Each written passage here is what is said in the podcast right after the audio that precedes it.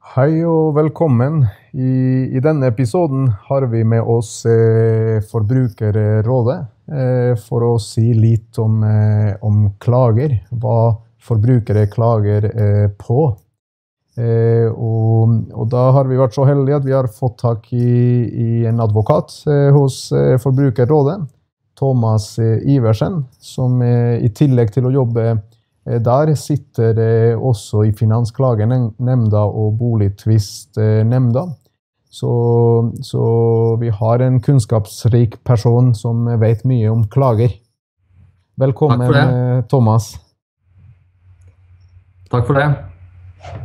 Ja, jeg tenker at eh, vi, vi, satt og snakka litt her før vi, vi, vi, begynte å spille inn. Eh, og, og, og, så tenkte jeg at eh, jeg sa til deg at det var kanskje lurt at vi starter med, med det grunnleggende. Eh, og, og, da tenkte jeg å spørre deg eh, om du kan starte for det første med å si veldig kort hva Forbrukerrådet er. Ja, det kan jeg godt gjøre. Det er veldig lurt å starte med det grunnleggende. Og Forbrukerrådet er en eh, interesseorganisasjon som eh, også behandler klagesaker eh, mellom forbrukere og næringsdrivende eh, innenfor de lovene som dekker forbrukerkjøp av både varer og tjenester. Dvs. Si, i stor grad håndverkertjenester eller kjøp av ting. Vi driver også en del med politisk arbeid i forbindelse med lovgivning og felt vi mener er viktig i forbindelse med forbrukerinteressene. I behandling av forbrukersaker da er vi nøytrale. Dvs. Si at vi verken representerer forbrukeren eller næringsdrivende, men utøver eh, gir partene mekling og forsøker å få partene til å bli enige der de er uenige. Riktig.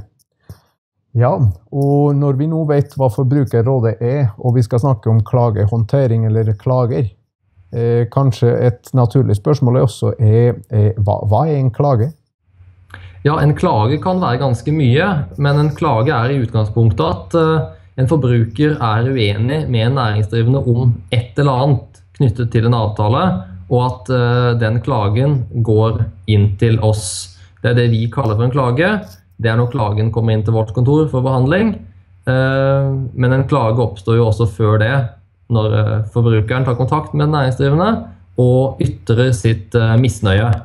Da er det en klage, og det vil man aldri unngå som næringsdrivende hvis man selger tilstrekkelig antall varer eller gjør tilstrekkelig antall tjenester. Da vil det komme en klage eller flere i løpet av et år, og det, de må man behandle. Um, og det viktigste er ikke å ha null klage, men å behandle de som kommer på en best mulig måte. Blir det vanskelig, så vi alltid, er vi alltid tilgjengelige for å hjelpe med både råd og veiledning. Riktig. Så det du sa, i alle fall, at eh, en klage oppstår før den kommer til dere. Og det er sikkert mange som ikke kommer inn til dere heller. Ja, det er mange som ikke kommer inn til oss. For veldig mange, og de absolutt aller fleste, løses jo mellom forbrukeren og den næringsdrivende. Eh, gjennom de vanlige kanalene, ved at man diskuterer problemet som har oppstått, og kommer til enighet uten noen form for nøytral bistand. Og det er viktig å huske at Vi ser jo bare de klagene som ikke er løst som følge av det. Riktig. Mm.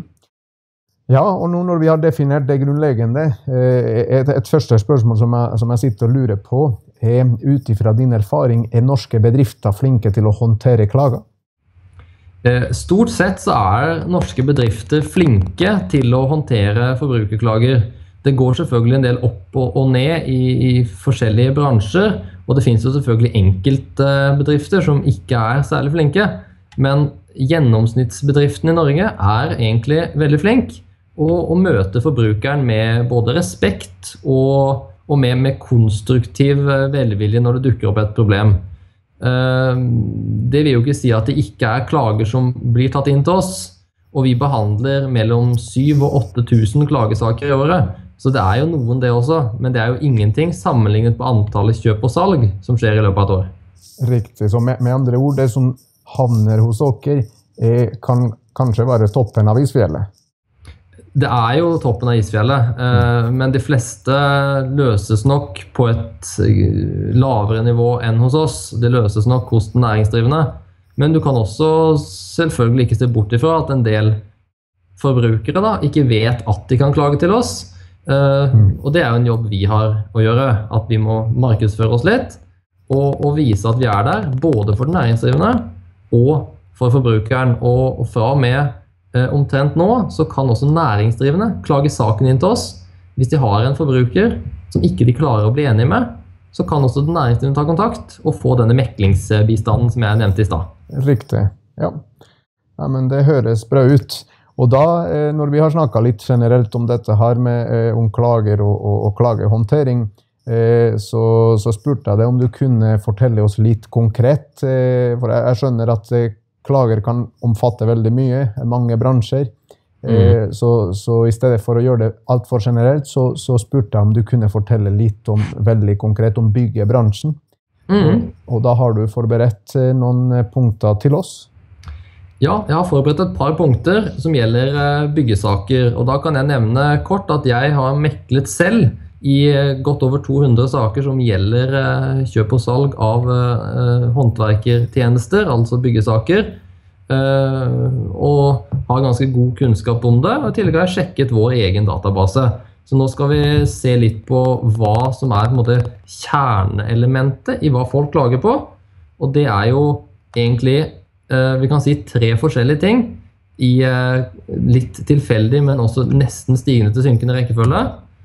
Eh, det som vi mottar desidert flest klager på innenfor byggesaker, er at tjenesten som er gjort, er av for, for dårlig kvalitet. Dvs. Si at forbrukeren mener at tjenesten har for dårlig kvalitet. Det betyr ikke nødvendigvis at det stemmer i alle sakene.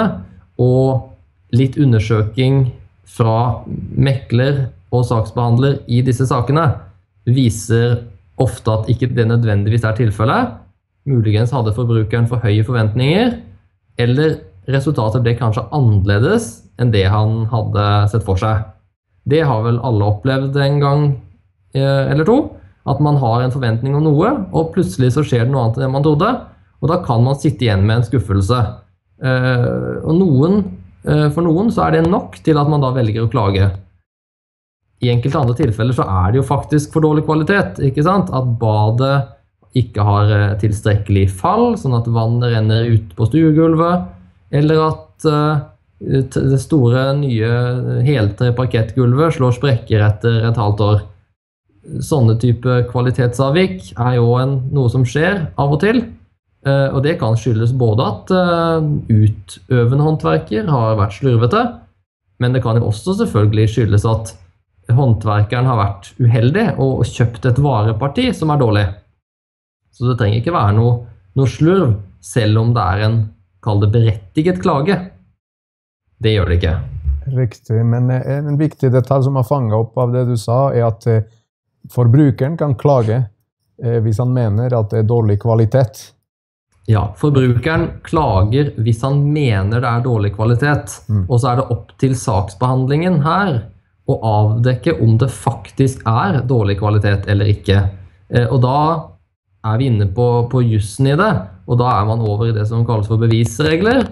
Og da er det den som krever noe, altså forbrukeren, som må bevise at den kvaliteten han mener er for dårlig, faktisk er det. Og da må han ofte få inn en ny håndverker til å se på det og si at eh, ja, dette er under eh, faglig standard.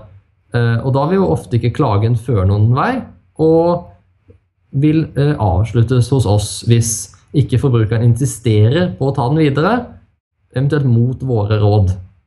Eh, mm. Det er viktig å huske på. Akkurat. Ja. videre så kan vi bevege oss bort ifra dårlig kvalitet over til der forbrukeren igjen mener at prisen er for høy. Merk at jeg stresser i begge disse to øverste punktene at det er forbrukerens syn på både pris og kvalitet som gir grunnlaget for klagen. Igjen her så må forbrukeren bevise at prisen er for høy. Det at det er for høy pris, dukker absolutt oftest opp i de sammenhengene der det er eh, tale om arbeid uten at det er gitt noen forhåndspris, eller det ikke er gjort noen avtale på forhånd. Det er noe vi ser igjen og igjen innenfor typisk rørleggere og elektrikere, som man ofte må ringe til når det er noe som eh, har gått akutt. Dvs. Si at eh, vannet har stoppa, noen sikringer vil ikke på igjen, det har lekke eller det har vært branntilløp. Da ringer man en elektriker eller en rørlegger og får de til å komme og se på problemet umiddelbart. Da avtaler ofte ikke forbrukeren pris. Eh, og da kan det ofte bli litt uh, uenighet om hvor mye man skal fakturere. Uh, men det er uh, en risiko man ofte tar som forbruker dersom man ikke avtaler noen pris på forhånd. Da må man på lang, i stor grad godta at regningen kommer på det den kommer på. Likevel så er det noen grenser, selvfølgelig, og det kalles gjengspris i denne håndverkertjenesteloven som styrer disse, disse eh, tjenestene. Dvs. Si at hvis ikke man avtaler pris, så skal prisen du får for tjenesten, være omtrent markedspris. Riktig. Det er veldig bra at du nevner så det andre området det klages på når det gjelder eh, håndverkere i byggebransjen, er prisen. At kunden mener at eh, prisen er for høy. Og, ja. og kjernen i det du sa om befalinga, er at eh, det lureste og det enkleste for begge parter er å ha, å ha en eh, tydelig avtale eh, hvor prisen er definert. Ja, det aller, aller enkleste for alle parter er at prisen og i hvert fall et overflatisk innhold av hva som skal gjøres, er avtalt før man går i gang med å jobbe med, gjøre jobben. Det gir en forutberegnelighet for både kjøper og tjenesteyter som ikke kan eh, måles i, i penger. Da vet forbrukeren hvor mye, han, eh, mye, dette koster, og den næringsdrivende har allerede fått en indikasjon på at forbrukeren eh, synes at denne prisen er grei, i og med at han har takket ja. Blir det tvist i ettertid, så kan man gå inn og si at ja, men du takket ja til tilbudet mitt på så og så mange kroner for denne jobben. Og da er det veldig vanskelig å komme i mål med en klage på pris. Mm. Det blir ofte bare at man syns den er for dyr likevel, eller at man angrer seg eller lignende. Men det gir ikke grunnlag for noe krav, og da vil næringsdrivende være innenfor. Mm. Og det er eh, viktig at man da inngår en avtale som i hvert fall sier noe om prisen. Eh, og den kan godt eh, være, så, godt være en e-postkorrespondanse, f.eks., der man eh, sender litt frem og tilbake. Det er helt greit. Det trenger ikke være en skriftlig avtale, det må bare kunne dokumenteres i ettertid. Så det at man nevner prisen på telefon, f.eks., det er selvfølgelig greit nok i forbindelse med at man informerer hvor mye det koster, men blir det tvist i ettertid, så er det vanskelig å si og bevise at man snakket om det på telefon hvis den ene parten nekter for det. Så gjør det skriftlig, er i hvert fall mitt råd på det når det gjelder pris. Riktig. Ja, vel. Ja, Veldig bra. I boka, I boka, mi har jeg skrevet også et annet kapittel om, om nettopp dette med kontraktshåndtering. Og det er veldig bra at du, at du gjentar dette her, for det, eh, det, er ting som jeg tenker en bedriftsleder må ha under huden. Den forståelsen mm. av at en avtale er en avtale uansett form, altså muntlig ja. eller skriftlig. Og, og, når det gjelder klager eller andre ting, så er faktisk avtalen som er utgangspunktet for vurdering, om det er dårlig kvalitet eller for høy pris. Er det ikke sånn? Det er det. Mm. Og en bedriftsleder må også passe på at medarbeiderne mm, som inngår avtaler på vegne av bedriften, følger samme norm.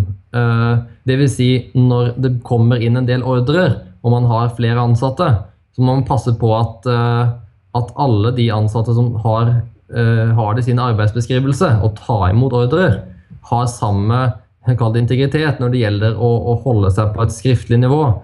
Eh, selv om avtaler muntlig binder, så er det veldig eh, vanskelig og ganske tungvint å forholde seg til i praksis. Så mitt råd til alle, som, alle bedriftsledere er at man bør gjøre alle avtaler skriftlig. Det er det absolutt enkleste. Mm. Det var gode råd og tips i forhold til, til det. Mm. Ja, hva klager, det, hva klager, forbrukere mer eh, på? ja, Vi beveger oss videre fra høy pris til eh, forsinkelse. Og det er en litt vanskeligere materie å trenge ned i, for det kan skyldes så mangt. Eh, forsinkelse i jussen er akkurat det samme som ordet betyr for vanlige folk. Dvs. Si at jobben som ble bestilt, ikke ble ferdig til avtalt tid. Og her er vi i, i bånd med en avtale som sier at jobben f.eks. skulle vært ferdig 20.8, og 20.8 kommer og går, og jobben er fortsatt ikke ferdig.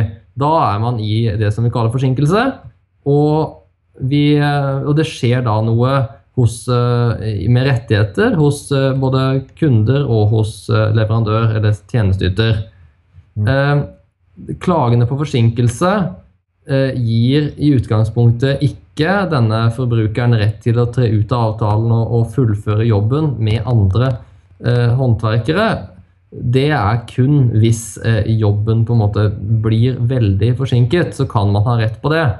Eh, men i mange tilfeller så inneholder avtalen som man inngår, en eh, bestemmelse om eh, dagmult som kan tjene som motivasjon for den næringsdrivende til å eh, bli ferdig til tiden.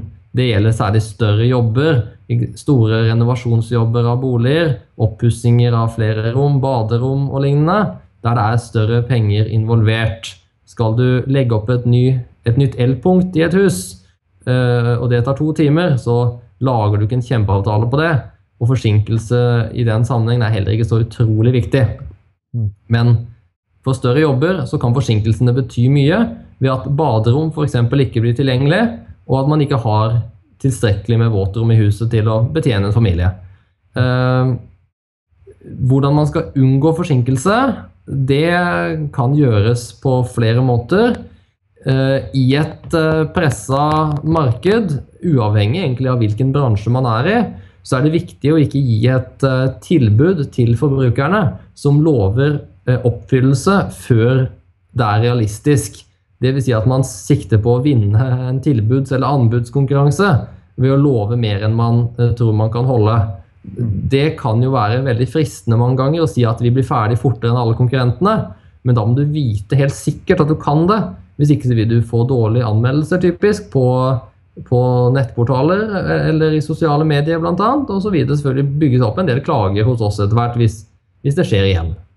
Så det å ha tilstrekkelig med ansatte og ressurser til å gjøre jobbene, det er eh, alfa og omega i, i denne sammenhengen. Mm.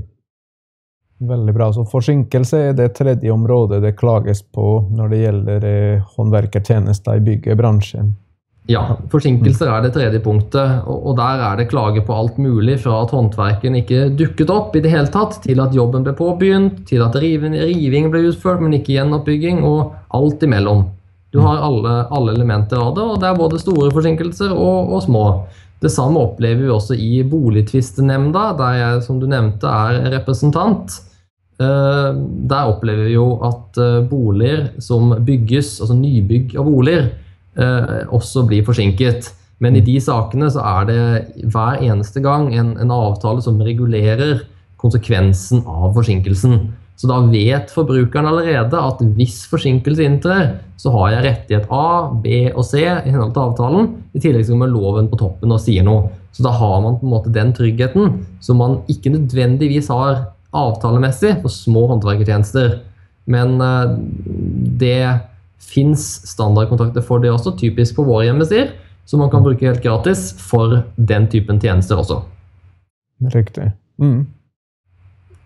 Det er det. Og når vi går videre eh, fra hva det klager hva du Hva som kan gjøres. Eh, og her er det en skrivefeil i eh, presentasjonen, men det får egentlig være helt eh, greit.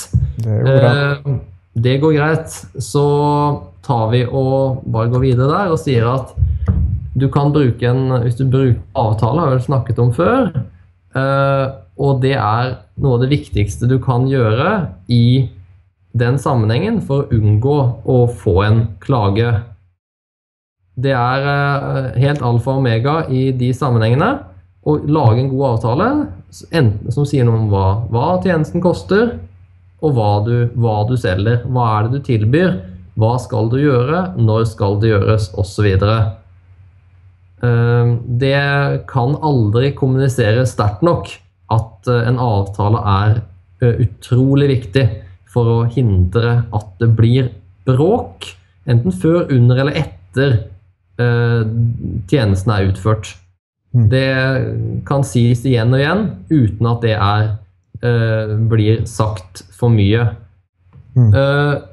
Videre så gjelder det å gi gode tilbud og anbud.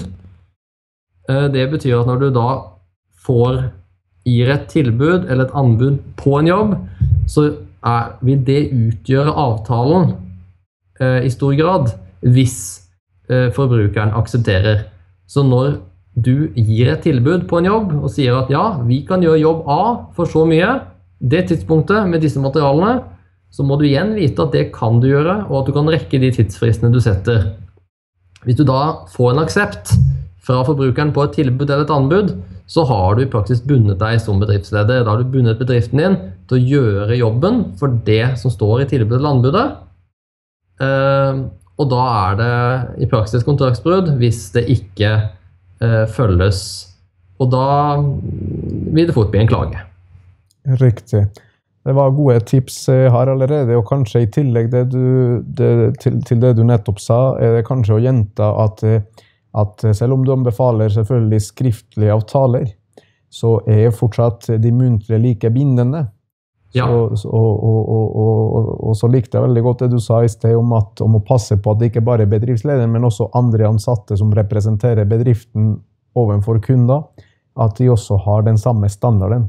Eh, ja, det er veldig viktig å, å passe på at, uh, at alle som har uh, altså, myndighet til å inngå avtaler for bedriften, har samme standard, og at man tar dette opp som et punkt i arbeidsrutinen i bedriften. La oss si at man driver et, et, et elektrofirma. Så er det like viktig som å gjøre Uh, like viktig å ha gode avtaler som å gjøre jobben som elektriker godt. For begge ting er helt avgjørende for at bedriften skal eh, holde seg eh, gående lenge og, ha, og, få et godt renommé. Hvis du har et godt renommé og, og, du er etterrettelig, så vil det hjelpe godt. Det er ingenting i veien selvfølgelig for å inngå avtaler og diskutere med kundene og komme på befaring, må man gjøre ofte, og gjøre alt dette muntlig. Og så kan man sette seg ned når man kommer til kontoret sitt og skrive et utkast, sende til kunden og si vi, kan vi avtale dette? Og så får man tilbake ja, det var dette vi var enige om, eller nei, var det dette vi ble enige om. Så tar man den diskusjonen før partene har forpliktet seg. Det utrolig, kan det løse utrolig mange problemer, eh, både i forhold til eh, hva som skal gjøres, og, og, og konsekvenser hvis noe går galt. Eh, så det at man gjør ting muntlig og på stedet, er ikke farlig. Men gjør, eh, jeg anbefaler at man da i ettertid, før man gjør, begynner å gjøre tjenesten, tar også dette skriftlig. Eh, siste punkt er jo at når det kommer en faktura, og den bør være litt detaljert, og henvise til eksisterende avtale. Hvis man har en avtale og den inneholder f.eks. en uh, klar indikasjon om pris, så bør jo egentlig regningen se ut som uh, avtalen til en viss grad. At det er samsvar mellom det man har avtalt, og det som kommer på slutten. Så det er jo en, en, et lite påheng, bare. Uh, og det kommer jo enda mer på spissen i de tilfellene man velger å gjøre en jobb uten noen skriftlig avtale. Mm. De, det er jo igjen ikke veldig anbefalt. Men der man gjør det, så er det i hvert fall veldig viktig at man skriver en detaljert eh, regning når den sendes til forbrukeren. Eh, uten det så vil det fort kunne bli et eh, problem ved at forbrukeren ikke skjønner hvorfor han skal betale det han skal betale. Skriv hva du har brukt av materiale, hvor mye du har brukt av timer, hvor mye det er kjøring, renovasjonsavgift for kassert materiell osv. Legg alt inn i regninga, og, og vis hvordan sluttsummen blir. Det er mye lettere å akseptere en sum du kjenner innholdet i, enn bare en sum som står i bunnen uten noen forklaring. Det virker mer suspekt, selv om det ikke er det engang. Mm. Nettopp, ja. Mm. Så helt, eh, helt, avslutningsvis så vil jeg bare opp, oppsummere akkurat det igjen. At uh, hvis det er noe man absolutt må huske, så mener jeg bruk kontrakt, inngå god avtale. Uh, så er det vil det sikre deg i ni av ti tilfeller og da, hvis det blir klage likevel, så er det viktig å huske på at uansett, ser, så lenge du ser det til tilstrekkelig antall med varer eller tjenester, så vil du aldri, aldri unngå en klage eller to eller flere i løpet av et år. Og de aller største bedriftene i Norge har jo ofte flere hundre henvendelser og klager hos oss i løpet av et år, uten at det gjør det til noen dårlige bedrifter av den grunn. Det betyr bare at de har en enormt stor omsetning. Og det er jo et mål for de fleste bedrifter å ha god omsetning. Da må du også ha gode aftersales-ordninger, sånn at du kan håndtere de klagene som kommer. Kommer det en klage, så må man håndtere den. Ikke bare dytte den bort og håpe at det forsvinner av seg selv. Det gjør det ikke. Ignorering av klager gjør det ofte bare verre. Mm. Det var mange gode råd her, Thomas. Eh, jeg likte veldig godt at du etter hvert som vi altså Temaet i dag var eh, klager. Og så ser jeg at du har, når du kommer med dine anbefalinger, så legger du veldig mye vekt på, på det arbeidet som gjøres før eh, jobben gjøres. Altså det med bruk av avtale og, og skrive gode tilbud, eller spesifisere tilbudene godt, og at man ikke lover mer enn det man kan holde. Ja. Så det er på mange måter, altså Du begynner med klagehåndteringen før du begynner jobben. Ja, Du begynner med, du jobber preventivt, rett og slett. fordi du, Med en god avtale så slipper man ofte klagen i det hele tatt. Mm. Det er viktig å huske på. Da slipper man eh, klagen i det hele tatt. Nettopp. Ja, men det, dette her var gode råd. Eh, er det noe mer eh, som du tenker, eh, i tillegg til alt du har sagt nå, du tenker en næringsdrivende håndverker burde vite, eller en bedriftsleder burde vite i forhold til klager, for å forebygge eller for å løse dem? Det eneste jeg kan nevne i tillegg til det vi har sagt nå, er at det er, det er viktig som næringsdrivende at man er forberedt på å motta klager, og ikke se på det personkritikk. Det er ikke noen kritikk av deg som bedriftsleder dersom du mottar en klage, og det er heller ikke en kritikk av din faglige integritet. Det er viktig å holde fast på og behandle det nøkternt og saklig. Selv om du har startet en bedrift, og det er din egen bedrift, så er det likevel eh, viktig å prøve å gjøre dette litt som en objektiv sak og, og behandle det, det, nøkternt. Det vil ofte eh, også føre med seg veldig mye bra. Eh, og vil ofte løse saken før det blir en klage som går til oss. Men hvis du sitter der og har et, har et problem som ikke du får løst, så kan også uh, du som bedriftsleder ta kontakt med, med Forbrukerrådet for å få saken løst ved mekling. Og det er jo heller ikke noe nederlag. Det er en måte å løse en konflikt på og hindre at den blir verre. Så det er kanskje det siste rådet jeg kan gi. Eh, ta kontakt med oss hvis man er i tvil, så kanskje vi kan hjelpe deg også. Mm.